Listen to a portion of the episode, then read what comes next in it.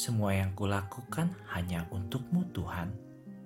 Rabu 15 Juni bacaan Injil diambil dari Matius 6 ayat 1 sampai dengan 6 dilanjuti dengan ayat 16 sampai dengan 18. Ingatlah jangan kamu melakukan kewajiban agamamu di hadapan orang supaya dilihat mereka.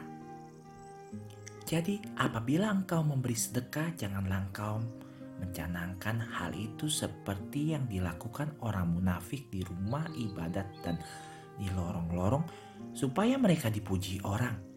Aku berkata kepadamu, sesungguhnya mereka sudah mendapatkan upahnya. Tetapi jika engkau memberikan sedekah, janganlah diketahui tangan kirimu apa yang diperbuat tangan kananmu.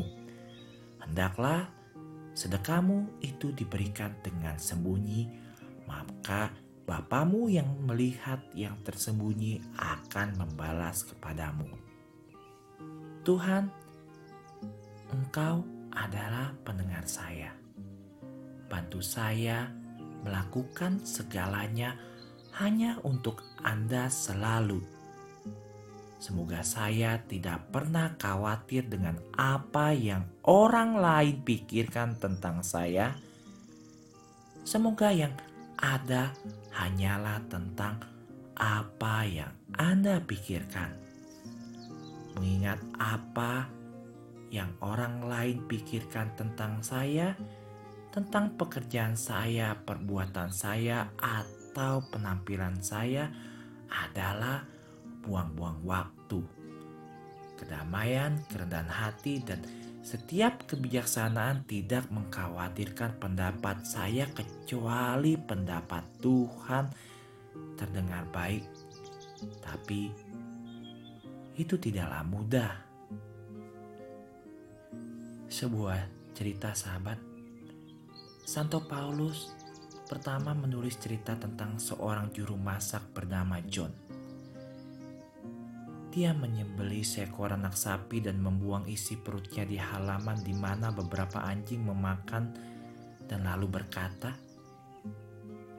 "Dia seorang juru masak yang baik. Dia memasak dengan baik." Beberapa waktu setelah itu, John sedang mengupas kacang dan mengupas bawang. Dia melempari kulitnya ke halaman dan anjing-anjing itu bergegas menghampiri lagi tapi kali ini sambil mengendus-ngendus dia berkata, si juru masak aneh. Anjing-anjing itu tidak berharga sekarang. Namun John tidak kecewa dengan hal ini. Pendapatnya dia berkata, Tuanlah yang harus makan dan menikmati makanan saya, bukan kau anjing-anjing penghargaan Tuhan sudah cukup untuk saya. Narkiko Yepes, seorang gitaris konser, pernah berkata dalam sebuah wawancara, hampir selalu permainan musik saya mainkan untuk Tuhan.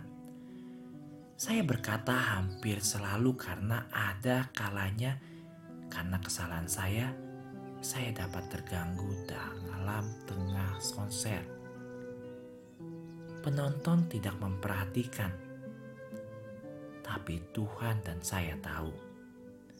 Kemudian, pewawancara bertanya kepadanya, "Apakah Tuhan menyukai musik Anda?" Dia menyukainya, seru sang gitaris. Lebih dari musik saya, apa yang dia suka adalah bahwa saya memberikan perhatian saya, kepekaan saya, usaha saya, kalian saya, dan pekerjaan saya. Dan selain itu, memainkan alat musik sebaik mungkin dan menyadari kehadiran Tuhan adalah cara yang indah untuk berdoa. Untuk saya telah mengalaminya berkali-kali. Ini menimbulkan pertanyaan, Bagaimana dengan saya? Apakah Tuhan menyukai pekerjaan saya? Jika saya melakukan untuk Dia, Dia pasti menyukainya. Maria Bundaku, bantu saya melakukan segalanya untuk kemuliaan Tuhan. Jadi agar dia mencintai pekerjaanku.